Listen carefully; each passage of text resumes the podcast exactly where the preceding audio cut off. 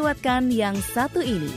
Acara Sains dan Kesehatan dari VOA Washington bersama Puspita Sariwati.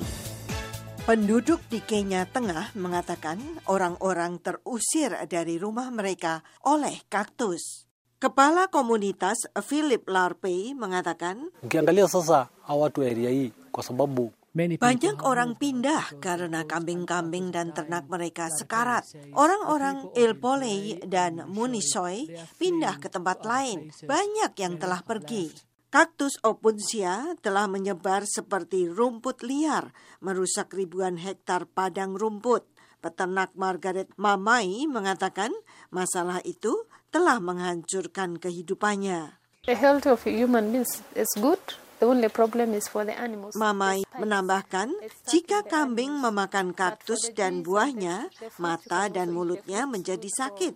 Yang paling terkena adalah domba. Jika domba makan kaktus, tidak ada obatnya. Itu berarti mati. Sekarang tidak ada tempat bagi kambing dan domba untuk merumput.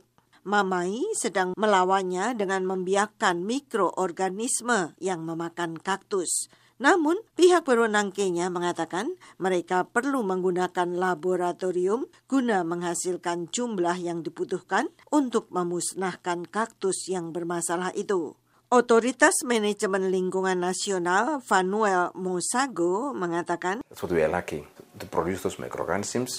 Itulah yang masih kurang dari kami untuk menghasilkan mikroorganisme tersebut, sehingga kaktus opuntia itu menyebar ke seluruh lahan, tetapi metode ini sangat lambat.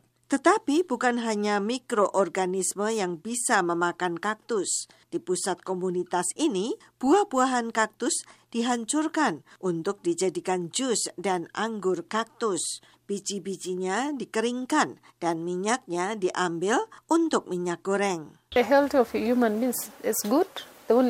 Larpey Florence dari Pusat Permakultur mengatakan, baik bagi kesehatan manusia, satu-satunya masalah bagi hewan adalah duri-durinya. Tetapi untuk jus dan buah-buahan, kami juga bisa makan buahnya. Sangat bagus untuk manusia. Tetapi mencari konsumen yang mau memakan kaktus sebagai sumber makanan adalah sebuah tantangan. Sedangkan untuk peternak seperti Mamai, kaktus opuntia hanyalah tumbuhan liar yang harus dihancurkan. Puspita Sariwati, VOA, Washington.